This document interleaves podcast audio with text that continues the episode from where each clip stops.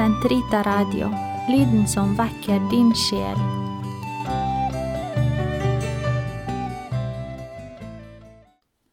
Den katolske kirkes katekisme, uke 24, fredag, paragraf 2070 til 2082. Dekalogen og naturloven. De ti bud er en del av Guds åpenbaring. De lærer oss samtidig menneskets sanne menneskelighet å kjenne.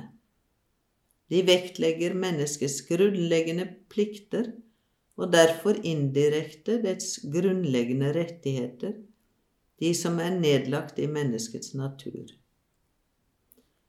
Dekalogen gir på en særlig måte uttrykk for den naturlige lov. Fra opphavet av nedla Gud i menneskenes hjerte den naturlige lovs påbud. Først nøyde han seg med å minne om dem. Dette var dekalogen. Til tross for at budene i dekalogen var tilgjengelige for fornuften alene, ble de åpenbart. Den syndige menneskehet hadde behov for en slik åpenbaring for å oppnå en fullstendig og sikker forståelse av hva naturens lov innebar. En fullstendig forklaring av dekalogens bud var påkrevet i syndens tilstand på grunn av at fornuftens lys var blitt fordunklet og viljen ført på avveie. Vi kjenner Guds bud gjennom den guddommelige åpenbaring Kirken legger frem for oss, og ved samvittighetens røst. Dekalogens forpliktende karakter. Siden de ti bud gir uttrykk for menneskets grunnleggende skyldighet overfor Gud og nesten, gir de i utgangspunktet alvorlige forpliktelser til kjenne. I sin grunn er de uforanderlige og alltid og overalt forpliktende.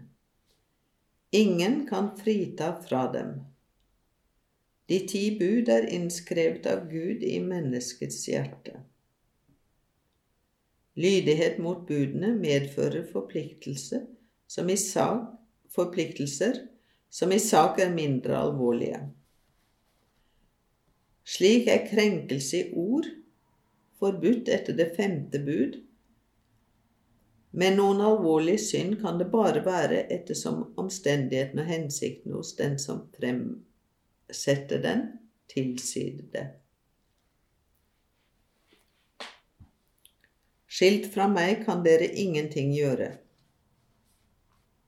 Jesus sier, Jeg er vintreet, dere er grenene. Den som blir i meg, som jeg i ham, han bærer frukt i mengde. Men skilt fra meg kan dere ingenting gjøre. Den frukt som omtales i dette ordet, er helligheten i et liv som gjøres fruktbart ved foreningen med Kristus. Når vi tror på Jesus Kristus, har del i hans mysterier og overholder hans bud, da kommer Frelseren selv og elsker i oss sin far og sine brødre, vår far og våre brødre. Takket være Ånden blir han i sin person den levende og indre norm for våre handlinger. Og dette er mitt bud, at dere skal elske hverandre slik som jeg har elsket dere. Johannes 15, 12. Kort sagt Hva godt må jeg gjøre for å oppnå det evige liv? Vil du virkelig gå inn til livet så hold budene. Matteus 19, 16, 17. I gjerning og forkynnelse bekreftet Jesus at dekalogen består. Dekalogen blir gitt innenfor rammene av den pakt Gud inngår med sitt folk.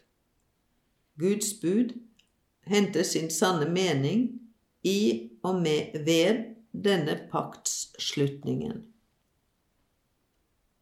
I trofasthet mot Skriften og Jesu eksempel har Kirkens tradisjon tilkjent dekalogen en fremtredende betydning og mening. Dekalogen utgjør et organisk hele hvor hvert ord eller bud viser til helheten. Å overtre ett bud er å misligholde hele loven.